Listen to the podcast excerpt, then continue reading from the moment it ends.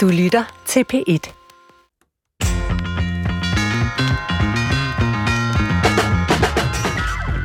Emil fandt sin mor, der havde hængt sig. Et brev forklarede ikke selvmordet for ham, men han har valgt at huske morens liv, og ikke hendes sidste handling. Hun var mere end et selvmord. Emil har spurgt mig om, hvad der sker, når et menneske begår selvmord. Og derfor har jeg inviteret både Emil og to eksperter til at tale om dette vanskelige emne, som desværre ikke er et helt sjældent fænomen. Der er i gennemsnit næsten to personer i Danmark, der begår selvmord hver dag. Hvad handler det om, og hvad kan der gøres ved det? Det skal vi tale om i dagens udgave af Brinkmans Brix, så velkommen til. Ja, emnet i dag er jo et, der formentlig vil bringe ubehag frem hos de fleste, nemlig selvmord. Selvmord er jo det modsatte af det, vi alle sammen går og laver hver dag, hvor vi nemlig forsøger at holde os i live jo. Og derfor er det også svært at forstå, hvordan man kan ende ved den tanke, at det er bedre, hvis livet slutter. Til retlægger Christoffer Heide Højer, hvad kan selvmord få dig til at tænke over? Jeg tror, eller umiddelbart er det sådan en ubehagelig følelse, Mm. og noget, øh, jeg ikke har lyst til at beskæftige mig med eller dykke ned i. Øhm, sådan helt umiddelbart, og, og det er vel, fordi det er døden, Mhm. og det er en selvvalgt død øh, langt hen ad vejen. Som, så, så det tænker jeg jo, som du siger, det er det, det modsatte, man gør hver dag på en eller anden måde. Øh, det er jo at undgå det. Ja. Øhm, men Svend, har du nogensinde haft øh, selvmordstanker? Fordi det er faktisk ikke så ualmindeligt at, at, at have tankerne, altså hver tiende ja. har muligvis haft det. Nej, ikke på nogen realistisk måde. Altså, jeg tror da, det er meget menneskeligt at overveje, øh, når kæresten går fra en eller et eller andet. Øh, ej, kunne det dog ikke slutte? Øh, Hvor er det forfærdeligt at være mig lige nu? Øhm, men, men, men, men altså, det er på den der helt øh, grundlæggende. Altså, det, det er slet ikke noget, jeg vil kalde øh, selvmordstanker, som Mm. mm. det, vi skal tale om i dag. Og hvad med psykologien, som du repræsenterer? Øh, hvordan beskæftiger man sig med det der? Altså, øh, det kan selvfølgelig bare være mig, som af, af forskellige grunde ikke har opdaget selvmords øh, rolle i, i den psykologiske videnskab, men, men det har jeg virkelig ikke. Øh, jeg er jo så heller ikke ekspert. Der er der sådan set mere at hente i, øh, i filosofien. Ja, det skulle jeg til at spørge om, for okay. Det, er jo- det er jo den, øh, det andet ståsted, du har der. det kan man sige. Og der er det jo, altså der er det jo mere sådan det moralske spørgsmål, der har været diskuteret. Altså, er det, kan det være legitimt at begå selvmord? Og, og der er virkelig mange forskellige Ja. øh, perspektiver på det, ikke? Altså måske det klareste sådan filosofiske perspektiv, der siger, nej, selvmord er altid øh, forkert. Øh, det kan ikke begrundes moralsk. Det er Immanuel Kant, sådan den her store oplysningsfilosof, som mente, at vi som mennesker har sådan nogle pligter over for både andre, men sådan set også os selv, og vi aldrig må behandle hverken os selv eller andre alene som midler, men altid som mål i sig selv. Og det er sådan en grundsætning i, øh, i en del moderne etik, som sådan set øh, forbyder selvmord. Mm. Og så er der nogle ældre traditioner, øh, altså fra den øh, græske antik og, og, og romersk filosofi og sådan noget, hvor det er blevet set som en, en øh, ædelmodig udvej. Øh, der er også flere filosofer, der er berømte for at have begået selvmord, ikke? altså Seneca, Mm. som den måske kendteste. Øh, men, Og hvor er du på den skala? Synes du, er sådan en liberal syn på det? Det må man selv forholde sig til, eller skal man ligesom gøre mest muligt for at hjælpe mennesker, der er, er i den situation? Jamen, jeg synes, at man skal gøre mest muligt for at hjælpe mennesker. Øh, og på den måde synes jeg, at, at selvmord altså som udgangspunkt er øh, et stort problem. Det, det er ikke noget, man bare skal sige, Nå, men det er da fint nok, hvis folk vil slutte deres liv, øh, så lad dem dog. Øh, der står jeg slet ikke. Øhm, men om man ligefrem skal sige, altså man sige, rent følelsesmæssigt med hjertet, der, der, der er jeg nok mest med Immanuel Kant, hvis jeg skal drage en parallel til filosoferne der, og sige, jamen det, det kan egentlig aldrig begrundes, eller forklares, eller undskyldes, eller retfærdiggøres. Men, øh, men, men med intellektet, om jeg så må sige, øh, der kan jeg måske godt forstå, øh, at mennesker i nogle situationer øh, ser selvmord som en udvej. Øh, eksempelvis hvis man er meget, meget syg. Øh, ja.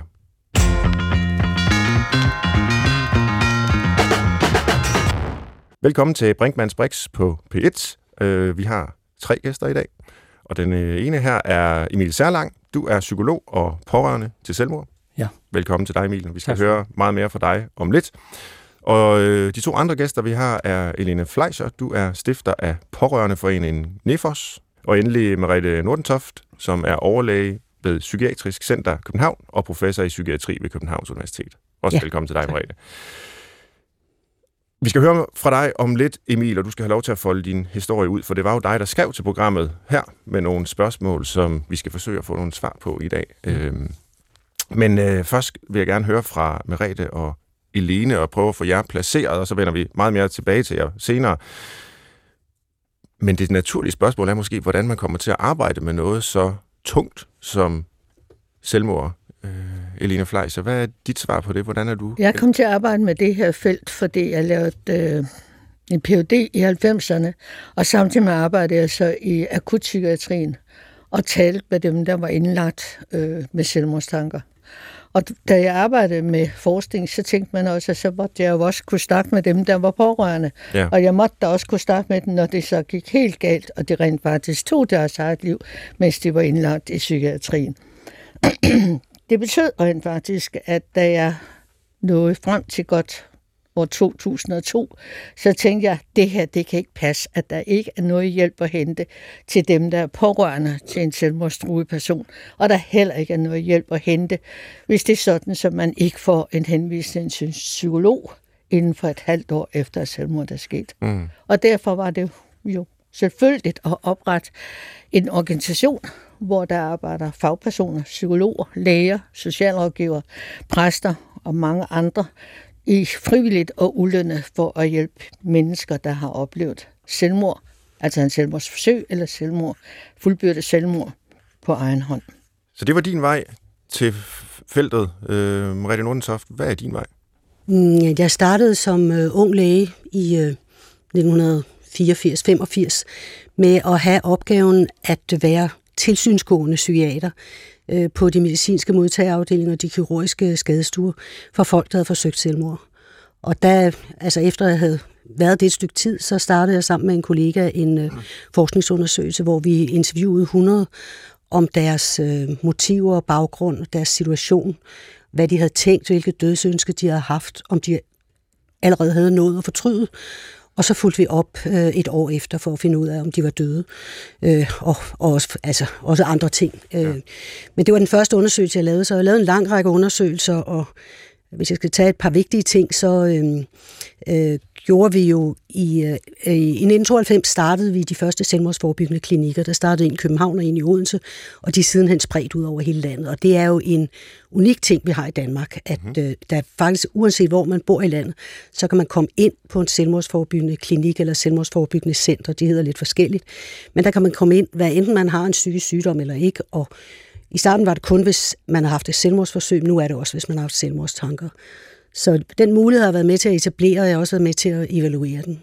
Og så har jeg været formand for den gruppe, der har lavet øh, den første nationale handlingsplan øh, for forebyggelse af selvmord og selvmordsforsøg. Og det var et arbejde, vi lavede i 97-98, og det blev vedtaget af Folketinget, et enigt Folketing i 98. Og der kom også nogle midler øh, til det. Og det kørte i 4-5 år. Og så sluttede det faktisk, og siden det, jeg har brugt temmelig meget tid på at prøve at få en opfølgning øh, på det, så der, mm. altså, der skulle være øh, mere indsats på området. Og det ser ud til at blive til noget med 10-årsplanen, for det står i hvert fald specifikt nævnt, at, øh, at der skal være øh, en national handlingsplan for selvmordsforebyggelse. Så det har jeg brugt meget tid på at prøve at sørge for, ja. at der kom til at stå og blive ved med at argumentere for at få forskellige partier til at sige det og sådan noget. Og så er jeg jo leder af en øh, forskningsenhed sammen med en seniorforsker, der hedder Annette Erlangsen, øh, som hedder Dansk Forskningsinstitut for Selvmordsforebyggelse, hvor vi belyser forskellige, altså vi arbejder en masse med selvmordsforskning og mm. afprøver forskellige interventioner. Så det er to pionerer, vi har her, kan man sige, med hensyn til, til selvmord og, og forebyggelse i, i Danmark, og det er øh, flot, at de vil være med, skønt, at de er med, og jeg må indrømme, jeg har været lidt, ikke sige nervøs for at tale om det her emne, men, men jeg synes godt, jeg kan mærke en sådan berøringsangst, altså hvordan taler vi om det, og hvordan får vi hul på det, og sådan noget. Hvordan oplever I det? Altså nu er I jo vant til at arbejde med det hver eneste dag og tale om det, men i, i forhold til, da I, I begyndte med at interessere jer for det, har den sådan offentlige samtale om, om øh, fænomenet forandrer sig, øh, Elene? Ja, det har det. Altså, når øh, den organisation, som jeg repræsenterer her, NEFOS, så er det rent faktisk, fordi det var en gruppe øh, af efterladte efter selvmord og en gruppe pårørende til selvmordstruet, der satte sig sammen og sagde, hvad skal vi hedde? Og de var meget, meget, meget bevidste og klar på, at det skulle ikke være noget, der hed selvmord i selve titlen. Okay. Det skulle være et, et begreb, som man øh, skulle lære at kende, ligesom livslinjen, som stod for noget specielt.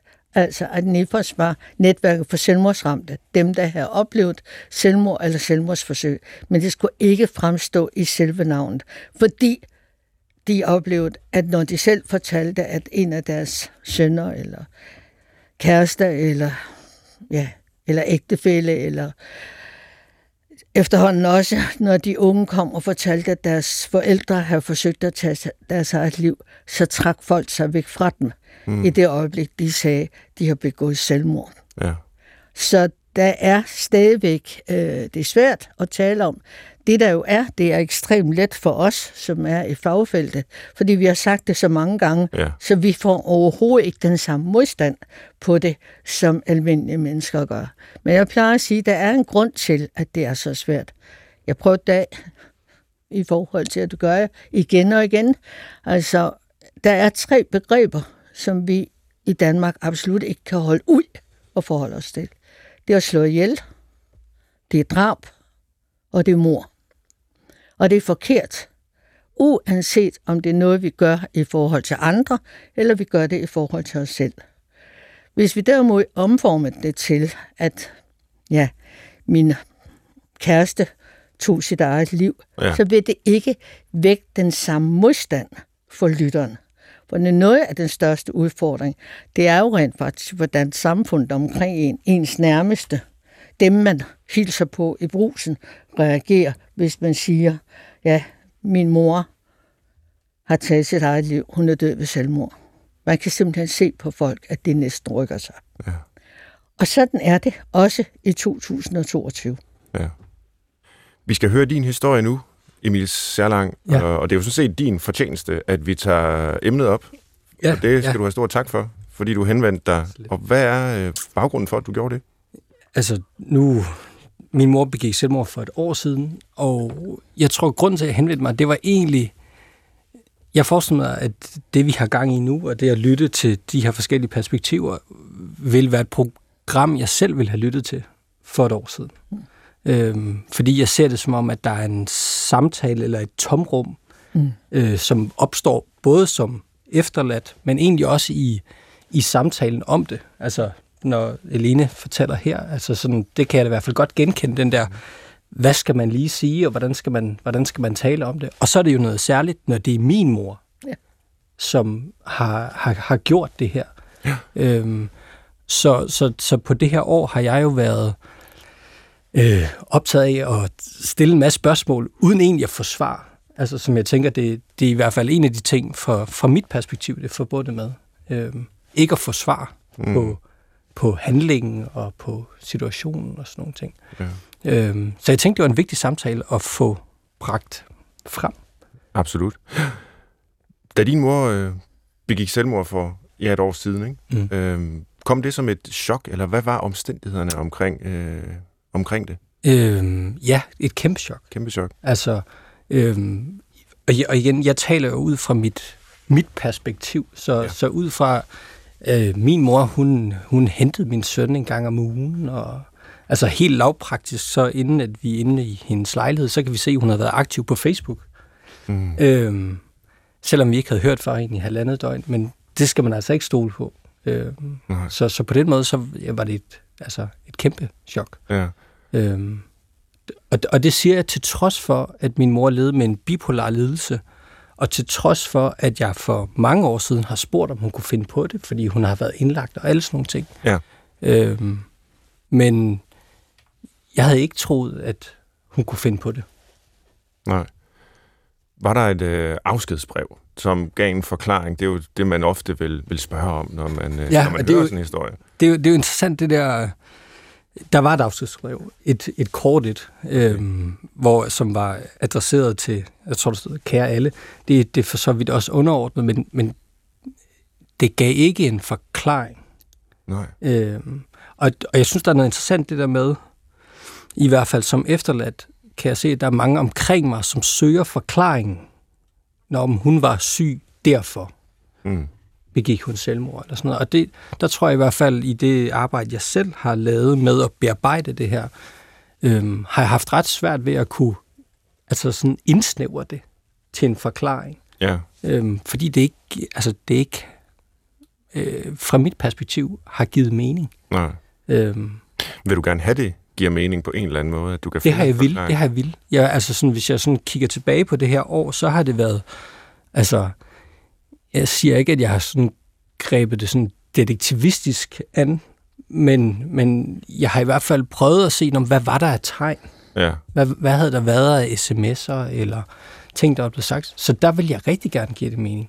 Og nu er jeg egentlig et sted, hvor at jeg ved fra mit perspektiv, at jeg kommer ikke til at finde den mening. Nej. Øh, jeg kommer ikke til at øh, altså, få et svar, hvor jeg kan sige, nå ja, derfor. Nu forstår jeg. Øh, og og, og det, det er jeg nået frem til, at, at det er måske fint nok. Altså, fordi ellers, jeg ser det sådan lidt sådan, at det kunne være sådan lidt øh, sådan psykologisk Sisyfos-arbejde, hvis jeg hele tiden skulle søge de her øh, svar på spørgsmål, som jeg ikke får svar på. Ja. Har du gjort noget særligt for at ja, stoppe med at søge de svar der, som du måske erkender? Jeg har, et jeg har talt meget om det. Ja. Altså sådan, og lavpraktisk så finder øh, vi, min mor, min lillebror og jeg, så vi har også en delt oplevelse med det, så vi har også kunne, kunne tale om det. Øhm, tænker jeg måske i en anden grad end, end, end andre i andre situationer, så jeg heller ikke øh, benyttet nogle af de gode tilbud, som, som I taler om her. Øhm, men det har været- været meget vigtigt for mig at sætte ord på mine følelser undervejs. Mm. Altså af afmagt, vrede, kedattighed, øh, alle de her ting. For ellers så har jeg ikke kunne være i det. Nej. Bebrejder du din mor for, for hvad hun gjorde? Øh, ja, i perioder gør jeg. Ja. Altså, øh, nu sidder jeg her nu, og så kan jeg kunne svare ud fra, jamen, øh, lige i dag, så har jeg ikke gjort det. Nej. Altså, øhm, så, så, så jeg kan da gøre det, hvis, når vi sidder til min datters et års fødselsdag, så kan det godt sådan, hvad fanden lavede du? Mm. Øhm, så kan jeg godt, altså sådan, så, så for mig, så er det, det er sådan noget, det kan komme og gå lidt. Okay. Øhm, for jeg har også enormt meget øhm, sådan sympati og empati med hendes situation. Altså sådan, så, så for, for mig, og nu taler jeg jo kun på min egen vegne, og det, det prøver jeg at være meget opmærksom på, fordi det, jeg har kun min egen oplevelse. Jeg har ikke været i feltet Mm. øh, i, i, i, i, på nogen måde. Øhm, men, men for mig er der et eller andet, et eller andet interessant ved, øh, hvis jeg skal stille et spørgsmål, altså sådan, hvordan kan vi, hvordan kan vi tale om selvmord, eller det, der er rundt om, på sådan en lidt mere rimelig måde? Mm. Fordi det, der, fra mit perspektiv, det er forbundet med så meget urimelighed. Øhm, altså, som min datter var tre uger gammel, da vi finder min mor. Ikke? Øhm, og det, er jo, det, det behøver jeg ikke tale langt om. Det er jo pisse urimeligt. Øhm, men, men det vil også være urimeligt fra min mors perspektiv at øhm, reducere hende til den sidste handling. Ja. Øhm, og det, det, det tror jeg, det er der, hvor jeg er nu. Altså, øhm, at, at, så det vil nok heller ikke være rimeligt at finde forklaringen Nej. øhm, helt konkret. Nå, ja, Det nævnte jeg også i, i begyndelsen som oplæg til programmet, at øh, det er ligesom en, måske din måde at, at gå til det på, og sige, at din mors liv var meget øh, mere og rigere Ja. end netop den sidste handling. Ikke? Og det er selvfølgelig noget, vi har for dig, altså, mm. som, Mm. som du har, har fortalt os. Mm. Øh, og, og, det, og det synes jeg egentlig lyder meget øh, inspirerende og stærkt. Kan du prøve at sige lidt mere om, hvad, altså, hvordan du ja, arbejder med at, at huske din mor som, hvad kan man sige, et menneske, der har levet et, et helt liv, og ikke kun begik den Ja. ene handling? Øhm, ja. Og det er jo sådan det der med, når det bliver et arbejde, der er også noget, hvor Ja, sådan... det er altså, også, øh, Sådan, øh, altså forstå mig ret, at... Øhm, altså det, ene, det, har, det har været vigtigt for mig at sætte ord på, hvordan jeg sådan går og har det, men det har, så, så er det konkret, nu har jeg... Nu får jeg talt meget om mine børn her, men jeg har også en, en, en søn på fem år, som jo kendte farmor godt og Mm. blev hentet af hende. Så der har jo været noget der, hvor at, øh, det har været helt oplagt at mindes hende for alt det andet. Ja. Øhm, alt det, der ligger ud over og rundt om og ligger i de, de, de revner af hendes liv, som, som giver os noget liv, altså øhm, til trods for det. Øhm, og så, altså forstå mig ret, det er et år siden, Ja. Så der er stadig ting, jeg, altså, hvis jeg ser billeder af hende, kan det stadig øh, være ubehageligt. Mm. Øh, så, så på den måde, så er det jo ikke fordi, at jeg sidder her et år efter og sådan, Nå, det var det. Nu har jeg bearbejdet, du kan jeg øh, sætte flueben ud for det. Øh, men jeg tror, det, det vigtigste har været det der at acceptere, at jeg kan ikke, jeg kan ikke kontrollere, hvilke, hvilke sindstemninger jeg selv kommer i. Øhm, og jeg lægger mig heller ikke fast på, når nu er jeg afklaret med det. Mm. Altså fordi der, der kommer sikkert en periode, hvor at så er jeg ikke det. Eller så, så er jeg rigtig sur. Eller hvordan det nu kan være. Ikke? Så, så på den måde, så, øh, så, så øh, og så er det også, fordi min mor har betydet meget for mig, så derfor har det også været vigtigt, at jeg har mindes hende med en, med, med en rimelighed. Ja. Øhm, ja. Du fortalte før, at, det, øh, øh, at du, du, du har din bror, og I har talt om det sammen, og, og ja, det lyder som om, jeg kunne tale altså, meget frit og, og åbent om det, og, og bearbejde det på den måde. Men fik I i øvrigt øh, tilbudt nogen form for hjælp? Øh, altså, der er jo... Øh, ja, vi, jeg, jeg mener, vi fik et opkald efter, fordi politiet kom jo og sådan noget, ja. så blev det registreret. Jeg har fået et, et telefonopkald rimelig kort tid efter, hvor der var nogen, der spurgte mig, om jeg havde brug for nogen at snakke med. Øh, og du kan godt høre, hvordan jeg beskriver det. Ja, det lyder lidt... Det er, øh, sådan, det er jo sådan ikke den klareste periode i mit liv. Det lyder som om, det, ja, og det, det er selvfølgelig meget forståeligt, men det lyder umiddelbart ikke som om, der har været sådan en klar kommunikation med... Nej, her, altså jeg har fået... Det er en mulighed, her kan du få hjælp. Nej, nej, det har jeg ikke. Nej. Og jeg kan i hvert fald ikke huske, nej. hvis det er, ikke? Nej. Altså, øh, så, så på den måde, så... Øh, hvis jeg er lidt fræk, så vil jeg sige, så lød det som, som et stand-up standard opkald, hvor der er nogen lige vil tjekke kort i telefonen fem minutter, hvordan jeg havde det, og jeg kunne bare sige, det er fint. Øhm, og det var lige derefter. Altså sådan, så er jeg jo selv opsøgt psykolog efterfølgende, fordi jeg tænkte, det var vigtigt, og det var noget, jeg havde brug for. Øhm, så ja, det er det, jeg har ja. blevet tilbudt, og så selv opsøgt. Ja, ja, øhm. ja. Men er, er, er du, jeg ved ikke, hvad, hvilket ord der er det rette for det, men er du sådan indineret over det, eller skuffet, eller... Mm. Eller er det bare sådan, det er, at der var måske ikke den store hjælp fra... Øh, mm, fra, fra nu sidder jeg altså sådan, så, så, så det, det bedste ved, ved den situation, som vi har stået i min mor, det var jo, at min bror og jeg var sammen. Mm. Øh, som jo har, et, og det kan være, at vi jo selvfølgelig altså, vi er ramt af det samme, men vi er ramt forskelligt. Øh, så, så, der, så derfor har jeg ikke haft behovet for, altså forstå mig ret, at sidde i en gruppe mm. med andre, fordi det har jeg ligesom kunne dele med nogen. Ja. Øh, også med altså min, både min kæreste og venner.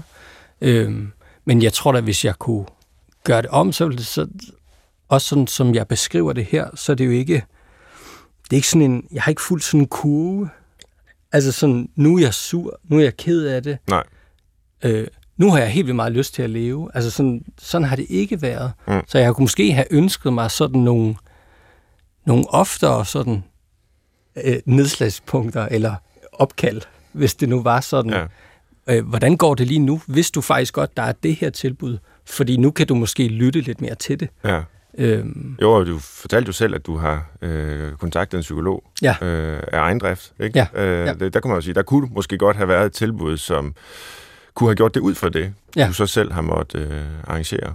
Og jeg, og jeg tænker, der er noget, altså, jeg tænker, de fleste, som har prøvet at miste, så det, man sætter pris på, det er, det er handlingerne, mm. og ikke bare ordene. Altså, jeg er her for her. Jeg er her for dig.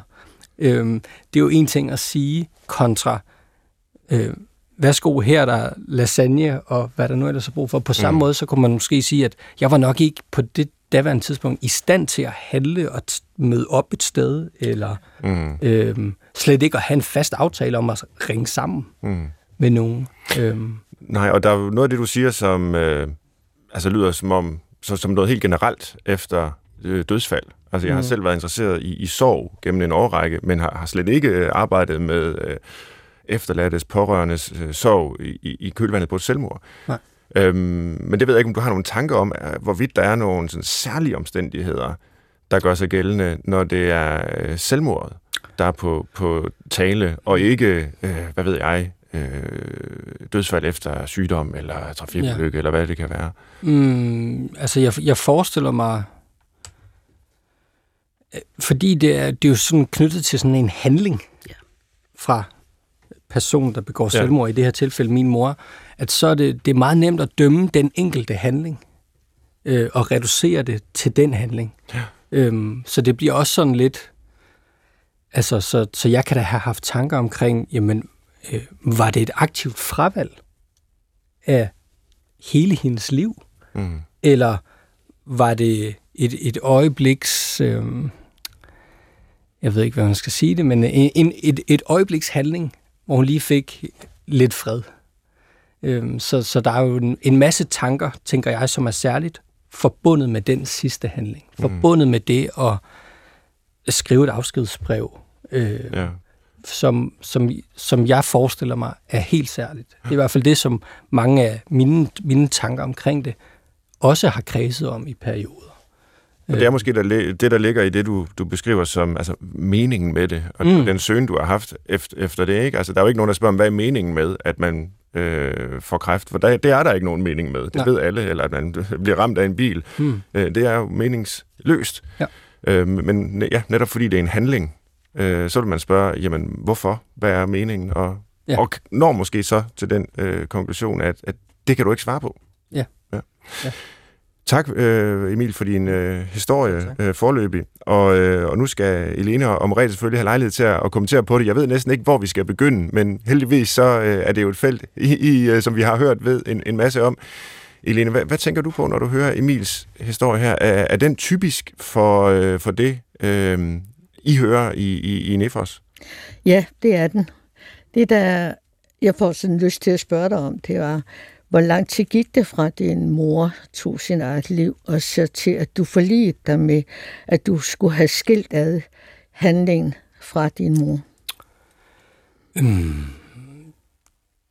Altså, jeg tror, den, den, den første tanke kom, da jeg skulle fortælle min søn, at hun var død. Ja. Altså, fordi der... Jeg kunne jo sagtens fortælle min, altså, min kæreste og familie og venner, men den første tanke, det var, at det var ikke, det var ikke til... Altså, det, det vil, jeg vil ikke give ham det videre, Nej. altså, når han var fem år. Der, så der, der tror jeg, at den, den spirede for første gang. Ja. Øhm, ja. Og, og så... Er, øh, ja.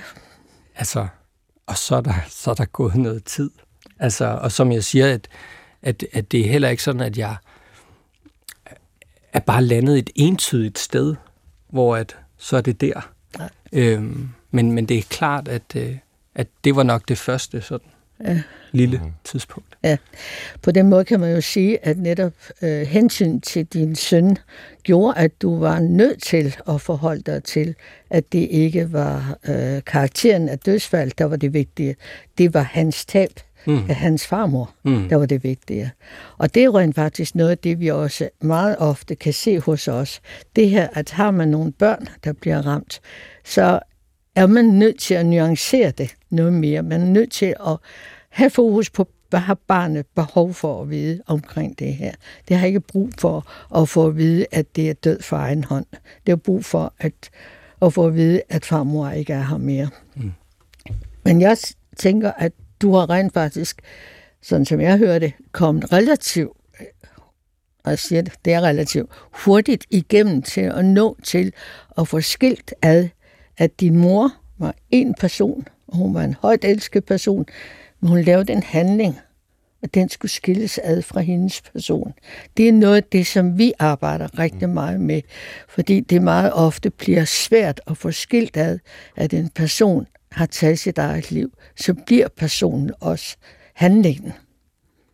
Altså, jeg har stadigvæk en gammel 89-årig kvindes sidste ord til mig, da jeg kom og skulle snakke med hende om hendes mand, der har taget sit eget liv. Hvor hun siger, hvordan kunne han, der var så god en mand, dog gøre det mod mig, vores børn og børnebørn.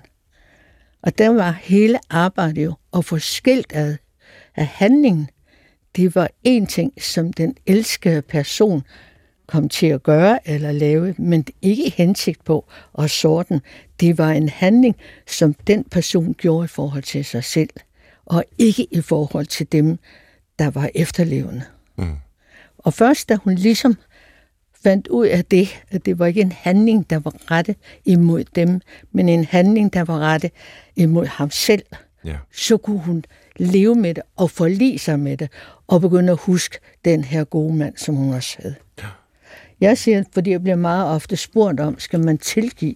Og jeg siger, nej, det skal man ikke nødvendigvis. For tilgive, det er at tilgive at en forkert handling, men man er nødt til at forlige sig med det. Mm. Man er nødt til at sige, at det er det, som jeg kan leve videre med. Mm. Eline Fleischer, hvad siger du til uh, Emils fortælling om, hvor i mine ører i hvert fald relativt lidt hjælp, der var i forlængelse af det? Fordi... Ja, jeg tænker, det er, øhm, det er der, hvor jeg kan blive indineret. Det ja. var det ord, du brugte før. Øhm, fordi jeg jo godt ved, at når man lige har oplevet det, så er man et voldsomt kaos. Man er følelsesmæssig kaos, kroppen er i kaos, man ved ikke, man går ved siden af sig selv, tankerne kører rundt, og følelserne kører rundt. Man er ikke i stand til noget som helst, fordi tiden også bliver forvrænget og, og gjort ved.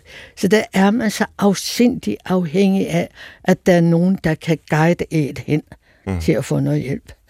Men jeg er også helt enig med dig. Det hjælper ikke det her med at ringe til folk og spørge.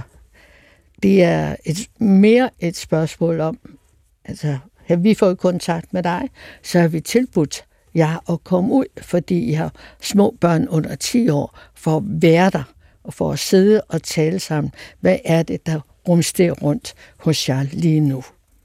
Hvordan er det at være dig lige nu?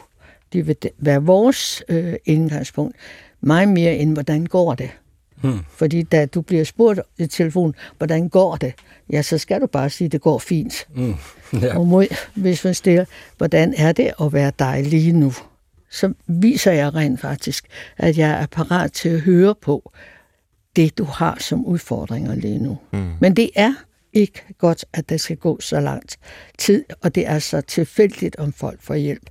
Jeg synes stadigvæk, at det bør ligge øh, informationer burde være hos politiet, så de i hvert fald lagde noget hos jer, som I måske ikke så i første omgang, men som I efterhånden så. Mm. Mariette Nordentoft, hvis vi skal måske prøve at få sådan kortlagt, øh, hvad er overhovedet selvmord, og hvor mange har selvmordstanker, og hvor mange ender med at øh, begå selvmord. Hvad er så ja, status i, i Danmark? Hmm. Altså status i Danmark er, at der øh, hvert år er cirka 600, der dør ved selvmord. Og det har været sådan øh, cirka siden øh, 2007. Og hvis vi går tilbage i tiden, har der været flere. Så vi har en historie, hvor det er lykkedes at øh, forebygge selvmord i Danmark øh, i ganske betragtelig grad, fordi det har været helt op på 1600. Og øh, grunden til, at det er gået ned, det er, at det er lykkedes at begrænse primært, at den primære grund er, at det lykkes at begrænse adgangen til meget farlige selvmordsmetoder. Mm. Men nu er der altså 600, og det har ikke flyttet sig øh, siden 2007, og det er jo en af de grunde, der er til, at vi prøver at presse på for at få en national handlingsplan. Øh, det vi ved om de 600 mennesker, det er jo, at de... Øh, at cirka halvdelen af dem har et øh, forløb, eller et relativt nyligt forløb i psykiatrien, og det har den anden halvdel ikke. Man kan sagtens tænke, at nogen i den anden halvdel, at de har øh, Øh, haft psykiske vanskeligheder, det må man næsten tro, ikke? Øh, og det kan også godt være, at der er nogen, der har haft ubehandlet sygdom, men det kan jo også være, at selv hvis man havde altså haft den mest grundige psykiatriske vurdering, så havde man ikke kunne sige, at de var syge, at det så øh, var øh, andre årsager, der, øh, der udløste øh, selvmordshandlingen. Vi ved, at øh, blandt de, der ikke har haft kontakt med psykiatrien, er der langt flere mænd. At øh, at øh, selvmordshyppigheden, øh, at hvis man kigger på de mænd, der dør ved selvmord, så er det øh, omkring en tredjedel, der har haft øh, kontakt med psykiatrien, eller det omkring, og for kvinders vedkommende er det over halvdelen. Øh, så ved vi, at øh, rigtig mange er i tvivl. Altså, mm. de ønsker at leve, og de ønsker at dø. Og når jeg hører øh, Emils historie, så tænker jeg også, at, at din mor må også have været i tvivl. Mm. Altså, det, da hun uploadede på Facebook halvanden døgn før, så har hun ikke tænkt, at det her var det sidste, hun gjorde. Og, og det er jo den, øh, det er jo den uh, tvivl og den det er jo det, vi prøver på at tage udgangspunkt i. Helt tilbage til den første undersøgelse, jeg lavede, der spurgte vi jo folk, om de havde et øh, dødsønske på det tidspunkt, hvor de havde foretaget selvmordshandlingen, og vi spurgte dem, om de havde et dødsønske nu. Og der var der halvdelen, der havde skiftet mening over natten, altså mens de havde ligget og sovet en pillerus ud, eller hvad det nu var, der var sket. Mm. Altså så kunne de klart sige, at det havde de ikke øh, mere. Så, så så flygtigt var det. Øh, og vi kan også se, når vi lavede opfølgningsundersøgelser, at øh, det var jo, altså hvis nu, at man havde tænkt, at de havde et meget, meget dedikeret dødsønske, så ville man have forventet et eller andet, at 80-90 procent var døde, men det er jo højst 10 procent.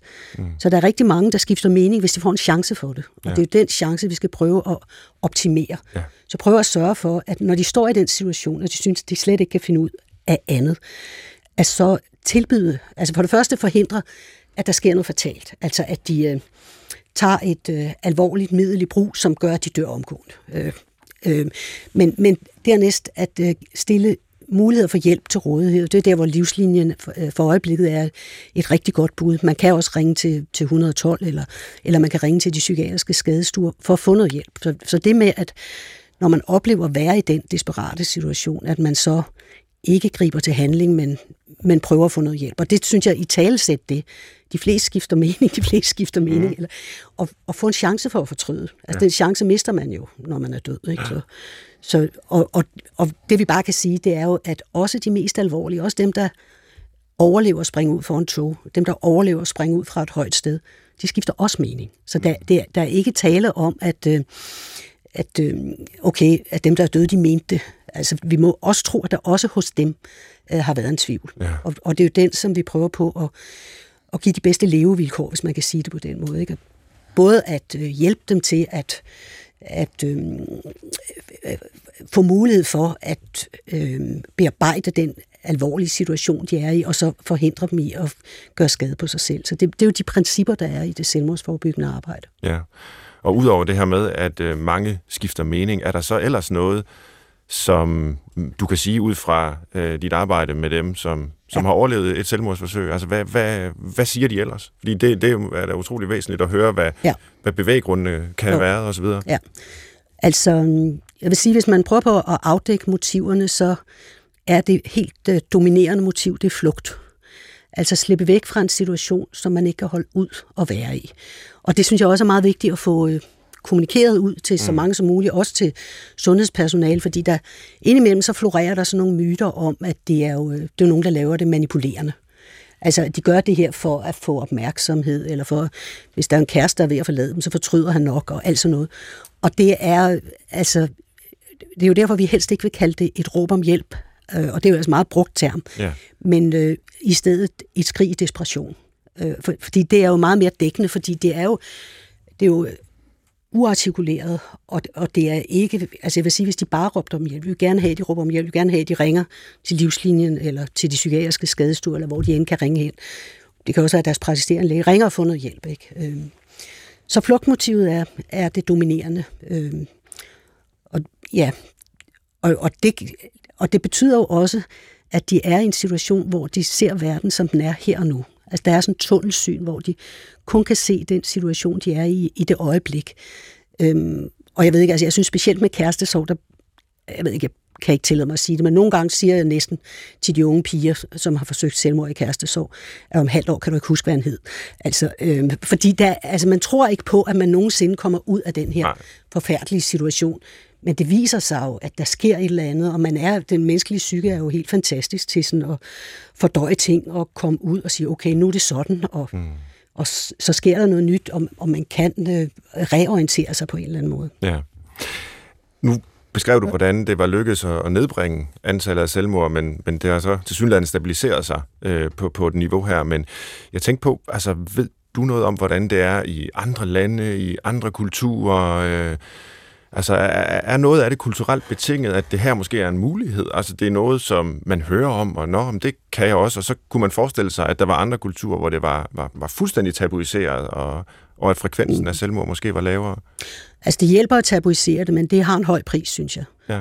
Altså, fordi det betyder også, at de, der så oplever det, også de pårørende, der oplever det, de er langt øh, værre stillet. Men, ja. men det virker på den enkelte det, at der er et moralsk forbud Øh, det har en virkning, og det, det kan man udnytte terapeutisk nogle gange, hvor man kan sige, okay, altså man laver sådan nogle... Øh, det er der nogle terapier, der arbejder med, hvor man siger, vi aftaler, at fra nu af til næste gang du kommer, mm. der dør du ikke. Ja. og og, og det, altså, det er der faktisk en vis kraft i, så, så det kan man godt. Ikke? Men, men jeg vil sige, hvis man kigger på det internationalt, så det væsentligste er jo, at der sker store ændringer. For eksempel er der sket fantastiske ændringer i de baltiske lande, som ellers har ligget som noget af det øh, højeste i verden. Og der kan man for eksempel se i Estland, der har det bevæget sig fra at ligge allerhøjst i verden til at komme ned på det niveau, vi andre er på. Okay. Øhm, og det, jeg, jeg synes, den, det budskab, man kan trække ud af den internationale litteratur, det er, at det er påvirkeligt. Og antallet af selvmord på verdensplan har jo i løbet af relativt kort tid flyttet sig fra at være 1 million til at være 800.000. Så er det ikke sådan, at vi skal sige, at det er der ikke noget ved. Altså, for det, det kan bestemt flytte sig. Og vi har identificeret nogle grupper, hvor vi tænker, at er en, er en særlig god mulighed for at gribe ind. Og det er jo egentlig dem, der er tæt på at søge hjælp. Det er dem, der ringer til livslinjen. Det er dem, der kommer i de psykiatriske skadestuer. Det er dem, der forsøger selvmord og overlever det. Og det er dem, der lige har været indlagt på psykiatriske afdelinger og bliver udskrevet. Det er alle sammen nogle meget markante højrisikogrupper, som får for øjeblikket for sporadisk hjælp, og hvor mm. vi kan tro på, at vi, hvis vi kan tilrettelægge noget, hvor at man er lidt mere proaktiv, som øh, Elene siger, tager ud til folk og siger, hvordan går det nu? Altså det er jo et paradoks. Jeg er engang blevet opereret i en tand, så ringede tandlægen næste dag og sagde, hvordan har du det? Men hvis man har forsøgt selvmord, så er der ikke nødvendigvis nogen, der ringer næste dag og spørger, hvordan har du det? Ikke? Og, det og der, der synes jeg, at vi, vi har altså, der er rum for forbedring, øh, også i det der akutte øh, selvmordstruede øh, spor. At der, der kan vi sagtens lave noget, der er bedre.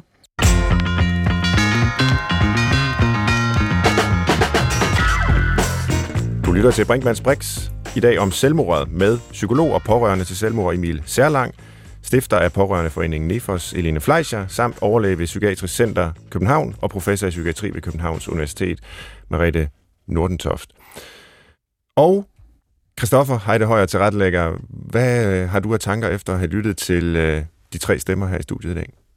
Jeg har, nu har jeg faktisk fået lidt ro i maven til at, til at, til at ture spørge noget, som ellers synes jeg er ømtåligt ved det her emne, og det er måske især dig, Emil, jeg vil spørge, fordi jeg har hørt at det her med, at øh, der er en større chance for, at man begår selvmord, hvis sine forældre har gjort det. Øhm, har du nogensinde i det her seneste år vendt det indad og tænkt, er det noget, der er i mig også? Nu gjorde min mor det, kunne jeg så også finde på det? Øhm.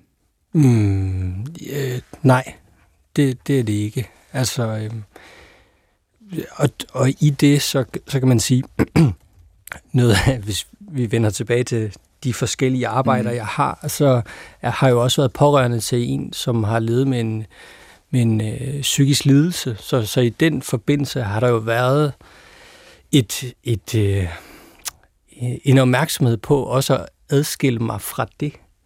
Altså, øhm, og, og det, er jo, det er jo noget, som jeg har brugt år på at, at, at være opmærksom på. Så derfor så tror jeg, at det, det arbejde har gjort, at, øh, at nej, jeg har ikke overvejet selv, om, om jeg kunne have en, en tilbøjelighed eller en mm. tendens, fordi jeg, jeg, jeg ser det heller ikke sådan.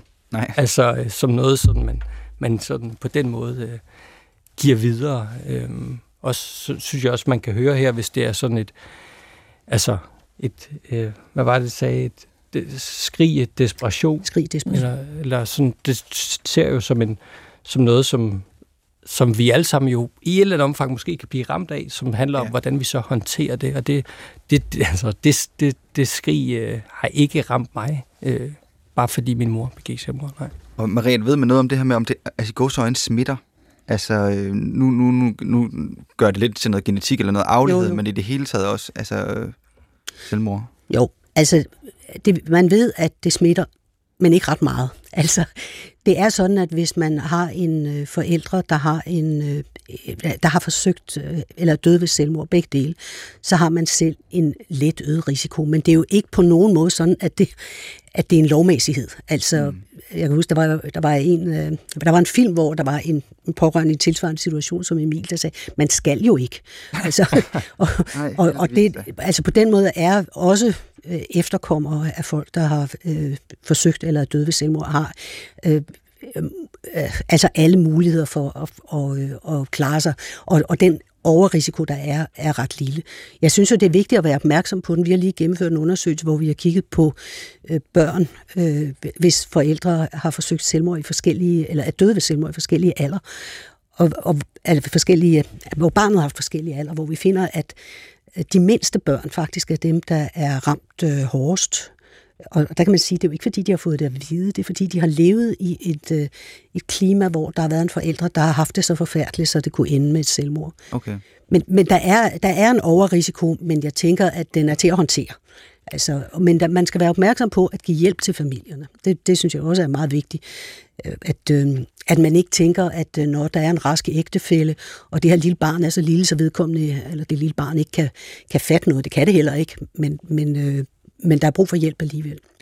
Det lille barn kan i hvert fald mærke, at øh, den forældre, der er tilbage, mm. er øh, voldsomt påvirket af den handling, der er der. Så det er måske mere det, som det lille barn reagerer på. Mm. At tingene ikke er, som de plejer at være. Mm. Og derfor er det også, at vi siger, at det er så afsindigt vigtigt at støtte de forældre, hvor det er den ene af forældrene, der dør for egen hånd. Fordi det er svært at stå tilbage som ene forsørger og, og være i total krise. Men jeg vil så, nu har jeg taget ord, ja, jeg vil det. også sige, at det kan godt være, at det forskningsmæssigt ikke er ret mange, der tænker sådan. Og Emil har ikke tænkt sådan. Emil er også psykolog.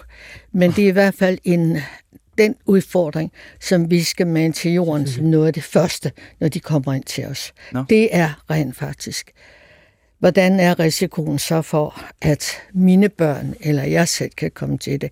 Min bedste mor tog sit eget liv, og nu har min mor også det. Så hvordan er det? Så det er noget, der fylder. Og der skal vi jo lige huske på, at selvmord sker i alle, alle klasser af samfundet. Men det er jo ikke alle, der er i stand til at finde de rigtige svar i forhold til det.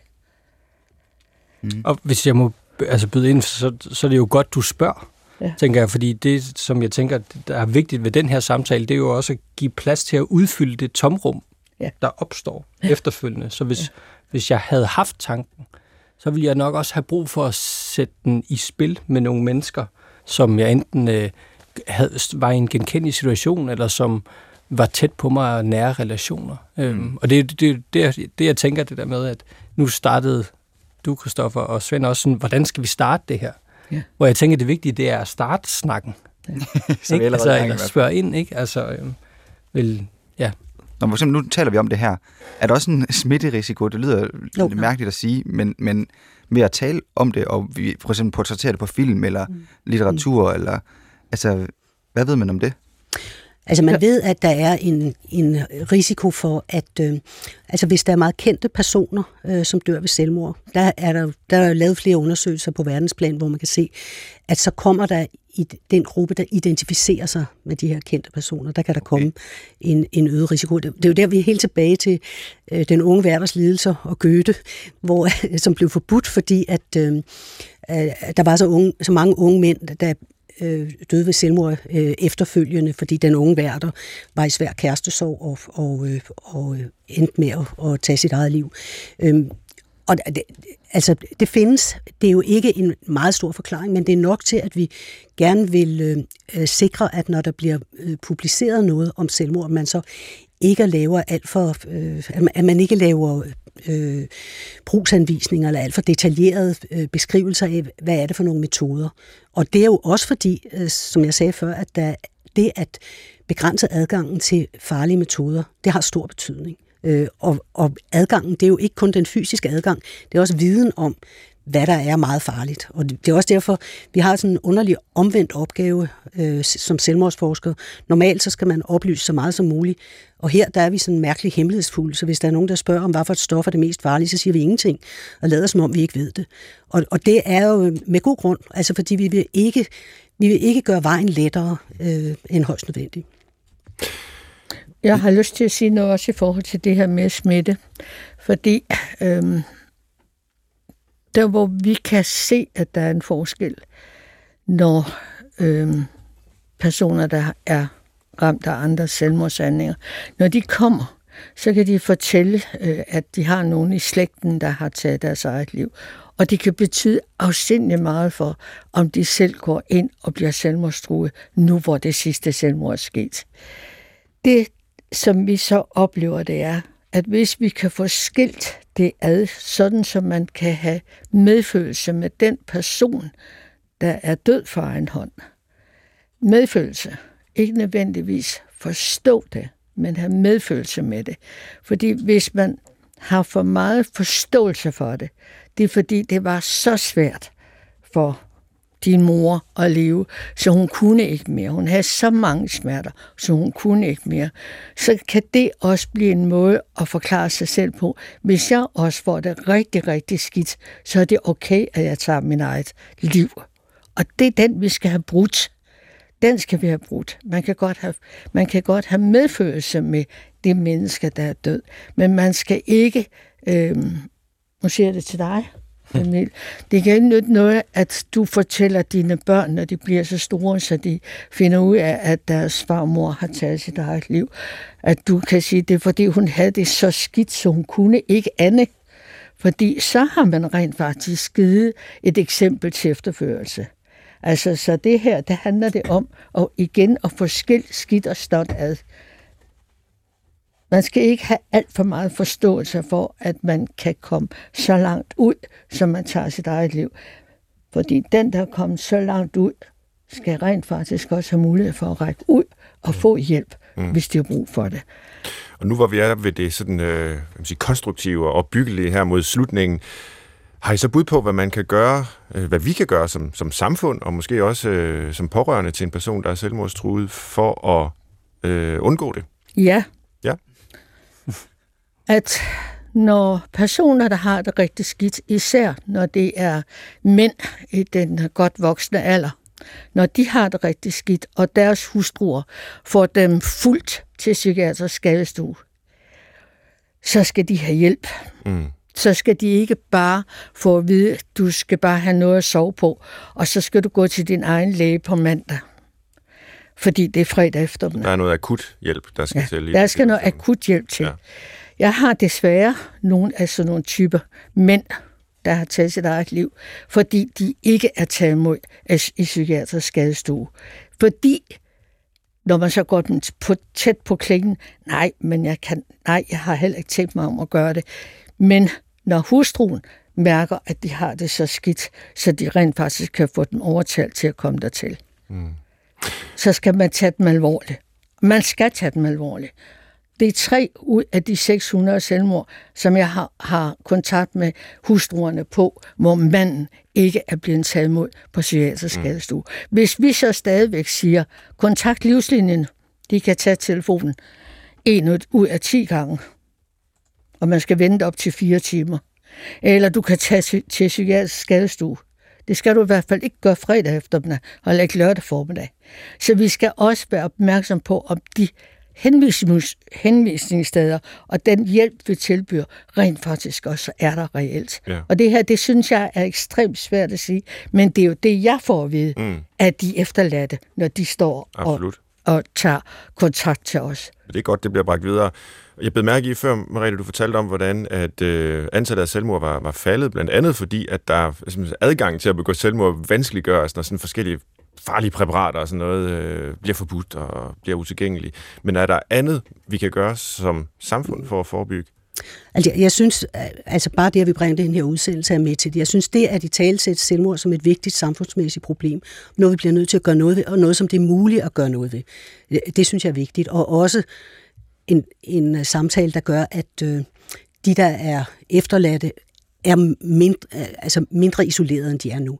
Men så synes jeg jo, at, øh, at det væsentligste er, at vi får øh, en masse initiativer som led i en national handlingsplan, og noget af det meget vigtige, det er jo noget af det, som Elene snakker om lige nu, at de, der søger hjælp på grund af selvmordstanker, at de øh, får ikke bare en formel hjælp, Altså, fordi det er jo det, der sker nogle gange, at de får at vide, ring derhen, eller gør dit, eller gør dat og hvor det øh, aldrig sker. Men de skal have en, øh, det vi i den gamle handlingsplan kaldte støttende og ledsagende. Det støttende og ledsagende princip skal sættes i kraft, og det betyder, at man sørger for, at det faktisk sker, at der er nogen, der følger op og siger, øh, altså, fik du ringet til din egen læge? Har du fået en henvisning til psykolog? Det har man jo ret til efter øh, selvmordsforsøg. Og, og, men der er, jo, der er jo nogle af de der ting, der er sådan en odyssé, man tænker, man når mm. aldrig frem. Og det, det er jo også virkeligheden, at der er jo nogle af de øh, mennesker, som er ramt af selvmordstanker eller øh, selvmordsforsøg, som øh, har nogle formelle muligheder for hjælp, men som ikke selv er i stand til at, øh, at skaffe sig dem. Og hvor vi skal have et mere øh, assertivt opsøgende øh, system og, og et mere bedre bemandet system. Ja øh, så, så vi kan imødekomme. Så I, I har peget her på nogle øh, kan man sige, systemiske ja. øh, ting, der kan rettes op på, og hvis vi så slutter programmet af med, vi har sådan en traditionsrig øh, liste, hvor vi nogle gange øh, øh, laver lidt sjov og er satiriske, og det lægger emnet i dag jo ikke op til. Øh, så hvis vi skal være oprigtige og måske skære ind til benet her, og slutte af med at se det fra den selvmordstruedes øh, perspektiv, hvad skal man så gøre, hvis man har selvmordstanker? Altså, man skal søge hjælp. Ja. Og der er hjælp at få. Øh, altså, jeg vil sige, øh, det, er, det er også vigtigt, at man får hjælp til at søge hjælp, hvis der er nogen som helst omkring en, der kan understøtte den proces, så man ikke giver op. Øh, øh, men det er jo så fra et individuelt perspektiv. Man prøver ja. på at række ud øh, efter hjælp hos, øh, hos livslinjen, de psykiatriske skadestuer, hos sin øh, praktiserende læge, og at man, man har nogle pårørende, som hjælper en, og som ikke giver op. Mm.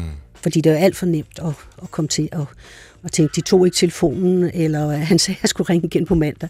Øh, så så øh, hjælp og få hjælp til at søge hjælp. Ja. Det er en god øh, afslutning på programmet. Tak skal I have.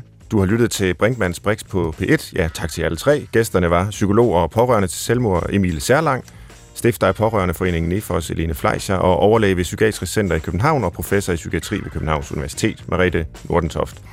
Også en tak til tilrettelægger Christoffer Heide Højer. Jeg hedder Svend Brinkmann og var vært. I kan altid skrive til os på brinkmannsbrix.dr.dk. Og i lyset af dagens emne vil jeg gerne slutte af med at sige, at hvis du har selvmordstanker, kan du kontakte Livslinjen på 70 20 12 01, og du kan kontakte Nefos, som vi har hørt om øh, fra Elene i dag, hvis du er efterladt og har brug for hjælp i den forbindelse. Nummeret her er 51 90 95 84. Tak for i dag.